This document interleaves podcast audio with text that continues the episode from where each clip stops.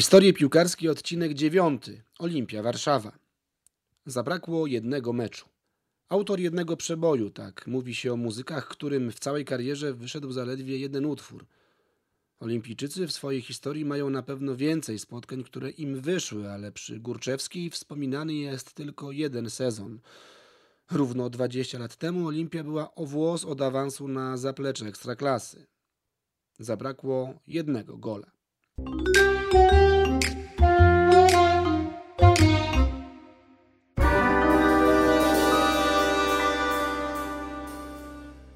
Piłkarskich historii pomaga szukać Hotel Jakubowy w Gdyni. Przez szeroką bramę stadionu wjeżdża człowiek na czoperze. Nie stosuje się przy tym do nakazu na przypiętej do siatki tabliczce domowej roboty. Uzasadnij swój wjazd domofonem na słupku furtki. Handlujący kilka metrów obok z pławikami i wędkami starszy pan kiwa mu głową na powitanie. U nas jest prezes, sekretarka, magazynier i magazyn. Jest wszystko. Tylko czas się zatrzymał mówi z rozbrajającą szczerością trener Olimpii Warszawa Marcin Kaczorowski. Kładzie kask na jednym ze stołów przy stadionowym barze Kufelek. Może pan wierzyć lub nie, ale ten klub ma duszę. Powiedział pan, że ile mamy drużyn w Warszawie? 38? No dobrze, a ile z nich ma duszę? Wie pan o czym mówię? Proszę się rozejrzeć. To wszystko ma ponad 60 lat. To kawał historii tego miasta. Jasne, że nigdy nie byliśmy tak dobrzy jak Legia, ale miejsca w historii stolicy nikt nam nie zabierze. Olimpia jako klub nie jest nastawiona na podbój internetu, choć stronę zespołu można znaleźć i wcale nie jest rachityczna. Prawda jest jednak taka, że to zespół w dość staromodrym wydaniu, z regulaminem stadionu wywieszonym przy wejściu, zabraniającym w punkcie dziewiątym niszczenia i oszpecania własności klubowej. Wystarczy rzut oka na stadion i jego bezpośrednie sąsiedztwo, aby dojść do wniosku, że oszpecić tutaj cokolwiek byłoby niezwykle ciężko. Trybuny wybudowane tylko za bramkami, co już jest ewenementem na skalę światową, niszczają same z siebie, podobnie jak cały budynek klubowy. Przydałby się solidny remont, aby Olimpię odmłodzić, odświeżyć, ale o dobudowaniu pozostałych dwóch trybun obok linii bocznych nie ma co marzyć. Prace remontowe stanęły w latach 90.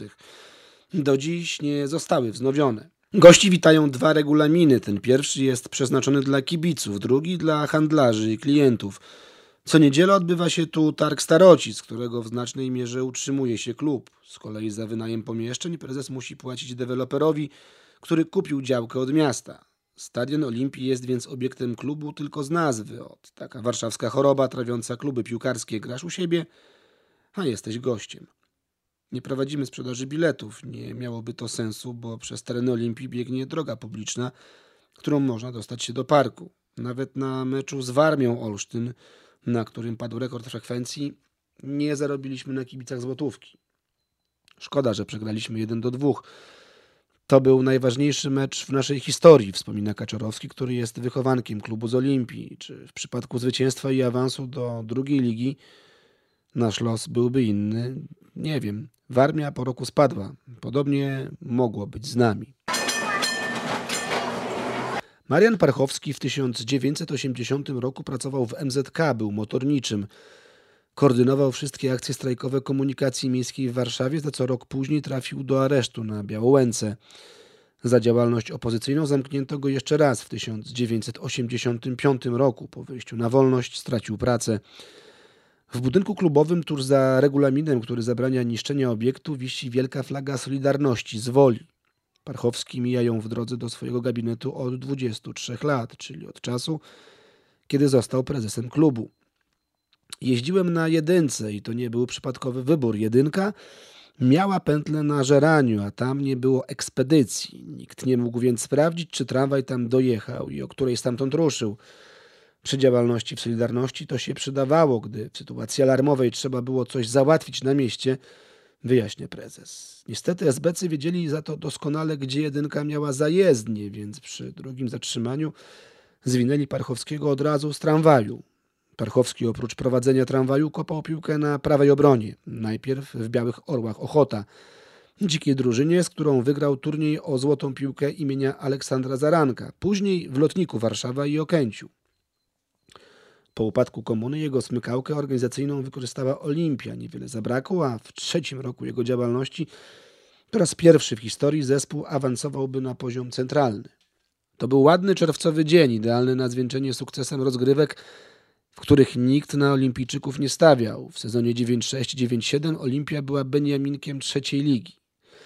Po rundzie jesiennej zajmowała siódme miejsce i każdy wolski kipi zamiast śnić o potędze trzymał kciuki za spokojne utrzymanie. Tymczasem na wiosnę zespół Zbigniewa Pocielika odpalił. Olimpia wygrywała mecz za meczem. Początkowo zyskiwała na tym, że rywale na spotkania z nią w ogóle się nie spinali. Później poszli siłą rozpędu. Grający na środku pomocy Jarosław Wojciechowski zawsze nam powtarzał, że najważniejsza jest defensywa, która ma szybko zagrać do niego, a on już coś wymyśli.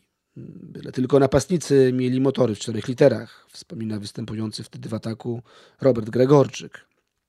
Zimą przyszli Bąk z Kruszankinem i dali tej drużynie pewność siebie, dodaje Parchowski.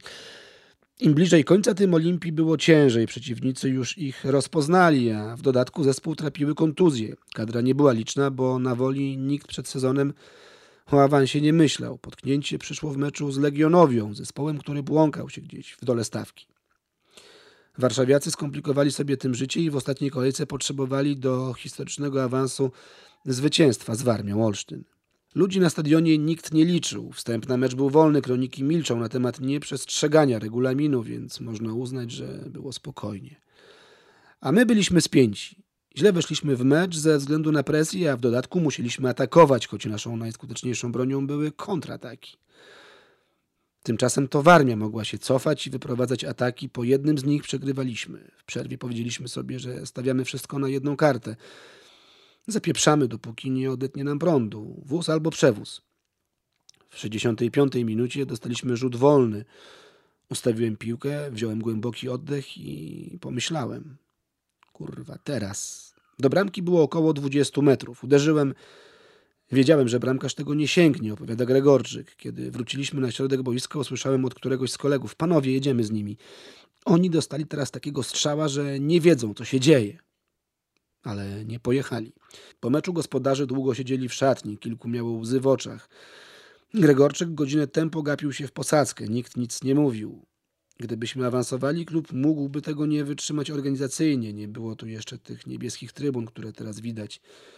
Myślę, że nawet jak na wymogi sprzed 20 lat nie było szans na grę. Puentuje Gregorczyk. W następnym sezonie trzeciej ligi rozczarowanie było jeszcze większe. Zamiast awansować, spadli. Olimpia zajęła siódme miejsce, ale w Mazowieckim Związku Piłki Nożnej ktoś wymyślił reorganizację struktury ligowej. Utrzymywała się tylko pierwsza szóstka. Murawę, na której Gregorczyk zdobył kiedyś wyrównującą bramkę w meczu z Warmią, w przerwie letniej porasta wysoka na 15 cm trawa. Klub oszczędza na czym może, włączając w to pielęgnację płyty. Ponoć niekoszona nie sknie w takim stopniu jak przystrzeżona w sam raz dla piłkarzy. Problemu z trenowaniem jednak nie ma. Olimpijczycy mają do swojej dyspozycji boisko boczne. Przycięte, aż miło. Przez stadionową bramę przejeżdżają auta, parkują przed wejściem do klubu w okolicach bocznego boiska, pod barem kufelek. Żaden z kierowców nie uzasadnia swojego wjazdu domofonem na słupku furtki. Piłkarze biorą w ręce torby z bagażników, zaraz rozpoczną pierwszy trening w przerwie letniej. Przy wyjściu ze stadionu stoi zamknięty na cztery spusty punkt gastronomiczny z lekko przerdzewiałą reklamą specjalności zakładu. Kurczak z Rożna. Przyglądając się dokładniej, można dostrzec kolejny napis. Rożnoczynne, niedziela, 7.15. Właściciel zrobił biznes pod klientów bazaru, nie pod kibiców. Może jak kiedyś przyjedzie tu w Armii Olsztyn zagrać o awans do pierwszej ligi, biznesmen zmieni zdanie. Olimpia wygra wtedy 2 do 1 i nikt już nie będzie wspominał meczu sprzed 20 lat. Na do widzenia rzucam spojrzenie w kierunku słupka furtki. Nie ma na nim żadnego domofonu, więc jak tu uzasadnić swój wjazd? Słuchacie podcastów Skarbów Miasta. No właśnie.